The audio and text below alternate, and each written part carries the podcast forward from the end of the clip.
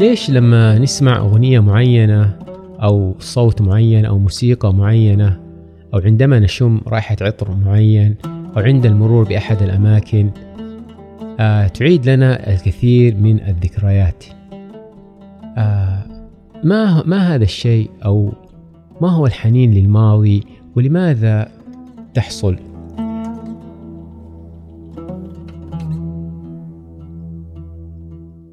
أعتقد أن جميع البشر يمرون بهذه الحالة بشكل دائم ولكنها تختلف حدتها حسب العمر باعتقادي. فالطفل الصغير أو الشاب الصغير تكون ذكرياته قليلة ويكون تطلعه دائما للمستقبل وتفكيره في المستقبل وماذا سيحدث من أحداث أو كيف يريد أن تكون حياته المستقبلية فالشعور هذا يكون قليل. أما كلما تقدم الإنسان في العمر يزداد رصيد الذكريات تزداد الخبرات تزداد التجارب الكثيرة في حياته ويبدأ من وقت لوقت في الحنين لبعض المواقف أو بعض الأحداث في حياته. هل هذا الشعور الحنين للماضي هل هو شعور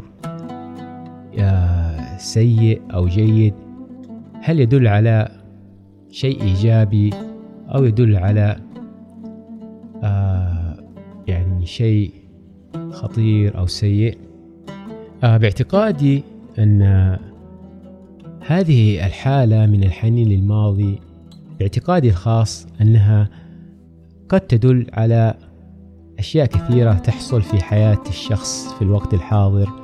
مما دفعه للتفكير في الماضي أو الحنين للماضي كمهرب آه مع الضغوطات اليومية مع مشاغل الحياة ومتطلباتها التي لا تنتهي خصوصا الأشخاص الذين لديهم عائلة أو لديهم أبناء أو لديهم الكثير من المسؤوليات آه من من كثرة الضغوط يصل بالإنسان إلى حافة الانهيار.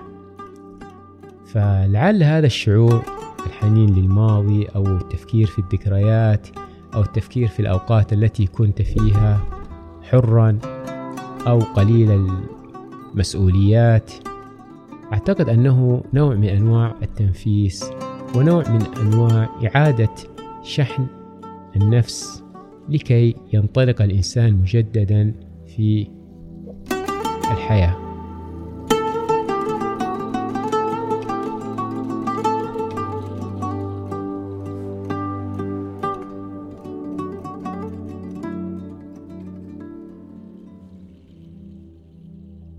آه لكن يجب الانتباه إلى نقطة, نقطة مهمة. معظم الناس للأسف يعيشون إما في الماضي أو في الحاضر فمعظم الناس حزينين على ما حدث في الماضي ووقته ومعظم وقتهم يفكرون في الأحداث التي حدثت في الماضي مما ينعكس على شعورهم في اللحظة الحالية. والبعض الآخر من الناس يعيشون في المستقبل أي الخوف من المستقبل والتفكير والتخطيط لما هو قادم مما قد يؤثر على أيضا نفسياتهم أو صحتهم العقلية.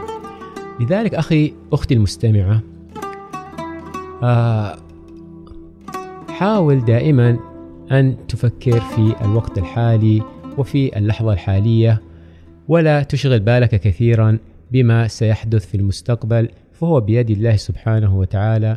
أيضا لا تفكر فيما مضى فقد انتهى وما حصل حصل.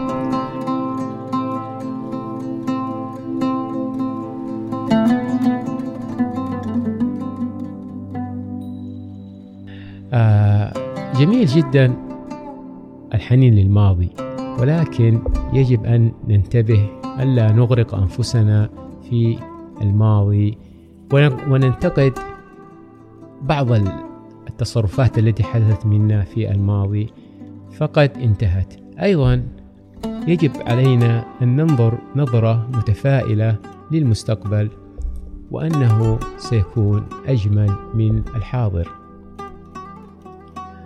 حقيقة هذا الموضوع الذي خطر ببالي وأحببت أن أشاركه معكم.